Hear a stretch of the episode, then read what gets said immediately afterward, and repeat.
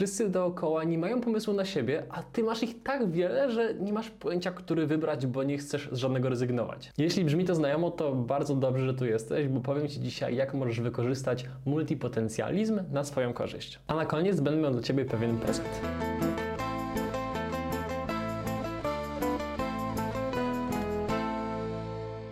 Cześć, jestem Michał i to jest mój 16 w życiu filmik na YouTubie. Staram się tworzyć treści, które są z jednej strony pożyteczne, a z drugiej strony takie przyjemne do obejrzenia, czy tak jak sobie siedzisz w autobusie albo się robisz kawusie. Mamy jako ludzie taką przepiękną tradycję maltretowania pięcioletnich dzieci pytaniem, kim chcesz być, gdy dorośniesz, a potem wraz z upływem czasu wywieramy sobie coraz większą presję, co przekłada się na równie piękną mieszankę stresu i niepewności, gdy pewnego dnia musimy wybrać sobie rozszerzenie w liceum, czy kierunek studiów i wreszcie ścieżkę kariery. Jeśli chodzi o mnie, ja od dziecka zawsze chciałem wszystkiego. I koniec końców poniekąd swoje marzenie spełniłem, bo trochę robię wszystko, bo prowadzę wydawnictwo, fundację, social media i jeszcze studiuję medycynę. Ale ile ja się nasłuchałem głosów, które mówiły mi, że nie możesz robić wszystkiego, musisz wybrać jedną rzecz. I to jest bullshit, tylko trzeba znać po prostu zasady gry, które teraz Ci zdradzę. Multipotencjalizm odnosi się do osób o zainteresowaniach i umiejętnościach w wielu różnych obszarach, a nie stricte w jednej indywidualnej dziedzinie życia. Więc jeśli pasjonujesz się wieloma rzeczami,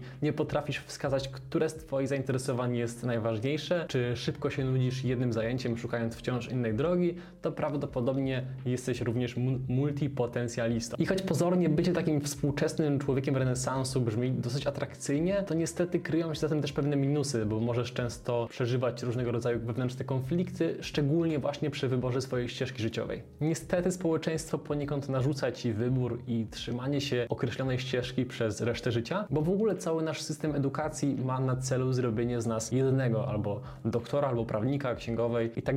I nie jest on zupełnie przystosowany dla osób z wieloma zainteresowaniami. To jest ogromna wada, bo nie zrobi on na przykład z dzieci policjantów z talentem do pisania piosenek, czy poważnych prawników, którzy w weekendy są stand-uperami. Możecie sobie sami wymyślić różne kombinacje, natomiast niestety to nie jest to, do czego dąży większość szkół. Prawda jest taka, że nie każdy ma jedno prawdziwe powołanie, bo niektórzy z nas mają ich po prostu wiele. I teraz pytanie, jak to wykorzystać na swoją korzyść? Multipotencjaliści mają takie trzy zasadnicze supermoce, które właśnie mogą wykorzystać na swoją korzyść, projektując swoją ścieżkę. Po pierwsze, w głowie multipotencjalisty cały czas powstają jakieś nowe pomysły i rozwiązania obecnych problemów. I w ogóle ich umysły posiadają taką niesamowitą umiejętność łączenia różnych ludzi, koncepcji i idei w nowe, oryginalne rozwiązania lub projekty. Po drugie, kiedy osoba z multipotencjałem znajduje sobie nowy cel czy pasję, to ze wszystkich sił próbuje nauczyć się o danym zagadnieniu jak najwięcej, jak najszybciej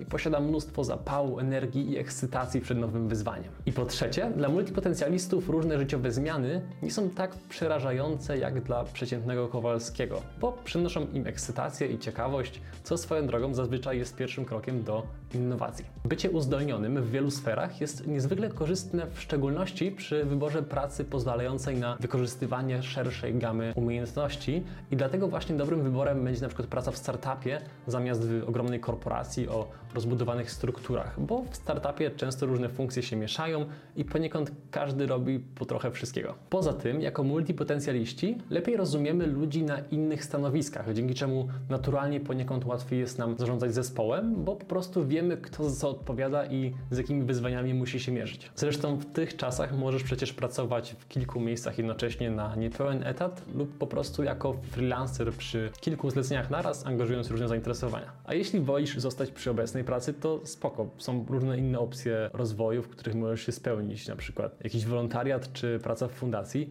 bo to nie są tak angażujące czasowo rzeczy jak praca na etacie, a mimo tego daje nam spore spełnienie. Swoją drogą są nawet badania, które potwierdzają korelację między spełnieniem a szczęściem w życiu, a wolontariatem. Poza tym, kto powiedział, że musisz ograniczać się do etatu i pracować dla kogoś? Bo przecież możesz założyć własną firmę, która da ci większą władzę i dowolność, przez co będziesz w stanie wykorzystać kilka różnych umiejętności naraz. I gwarantuję ci, że własna firma to jest idealne miejsce dla kogoś, kto kocha robić wiele niepowiązanych ze sobą rzeczy, zwłaszcza na początku, gdy musisz być jednocześnie dobrym sprzedawcą, analitykiem, księgowym i sekretarzem. Multipotencjalista może być postrzegany jako fachowiec od wszystkiego czy generalista, co przez niektórych może być uznawane za wadę. Ale umiejętni multipotencjaliści potrafią tak niesamowicie pomóc, napędzając innowacje, stymulując wzrost i pomoc w osiągnięciu różnych celów, a to wszystko właśnie dzięki umiejętności noszenia różnych kapeluszy. A to jest dokładnie to, czego potrzebujemy w tych czasach, bo granice między różnymi branżami zaczynają powoli zanikać, masa nowoczesnych technologii czy startupów opiera się właśnie na takim połączeniu kilku różnych dziedzin. I to właśnie te osoby o wszechstronnym doświadczeniu będą tutaj najlepiej się odnajdywać i będą w stanie dostrzec różne wzorce,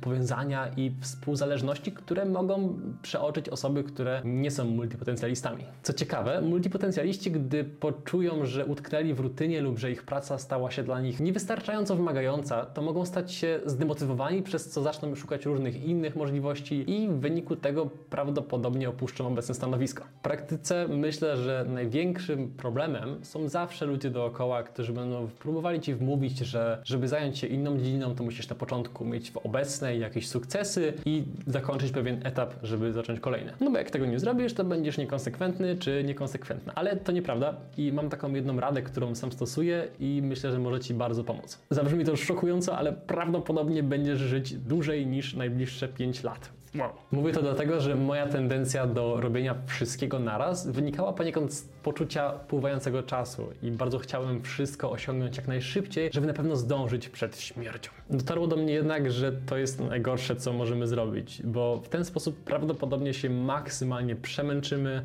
wypalimy i jeszcze dodatkowo stracimy frajdę z samego procesu, bo będziemy chcieli jak najszybciej osiągnąć swoje cele. Ja osobiście mam ogromną listę różnych umiejętności i rzeczy, które bardzo chciałbym kiedyś zrobić. Na przykład chciałbym rzeźbić w marmurze, chciałbym pisać książki podróżnicze, produkować muzykę, założyć kawiarnię i, i wiele innych. Ale zacząłem tak sobie myśleć o tym bardziej długoterminowo, bo powiedzmy sobie szczerze, podróżami mogę zająć się po studiach, kawiarnię mogę założyć na emeryturę i oczywiście ryzykuję, że umrę przedwcześnie i nigdy tego nie zrobię, ale wciąż uważam, że to jest znacznie, znacznie lepsze rozwiązanie niż takie upychanie wszystkiego naraz, a przez to poczucie frustracji i przemęczenia. Dlatego jeśli nie możesz wybrać między karierą przykładowo programisty a pianisty, to spoko. Życie nie jest aż tak krótkie, jak ci się może wydawać i możesz zrealizować oba te cele albo po sobie, albo jednocześnie. Tu już jest wybór Twój, ale obie te opcje są tak naprawdę równie dobre. Tak jak obiecałem na początku filmu, mam dla Ciebie taki mały, darmowy prezent, a jest to mini test, który możesz sobie właśnie przeprowadzić, żeby sprawdzić w jakim stopniu jesteś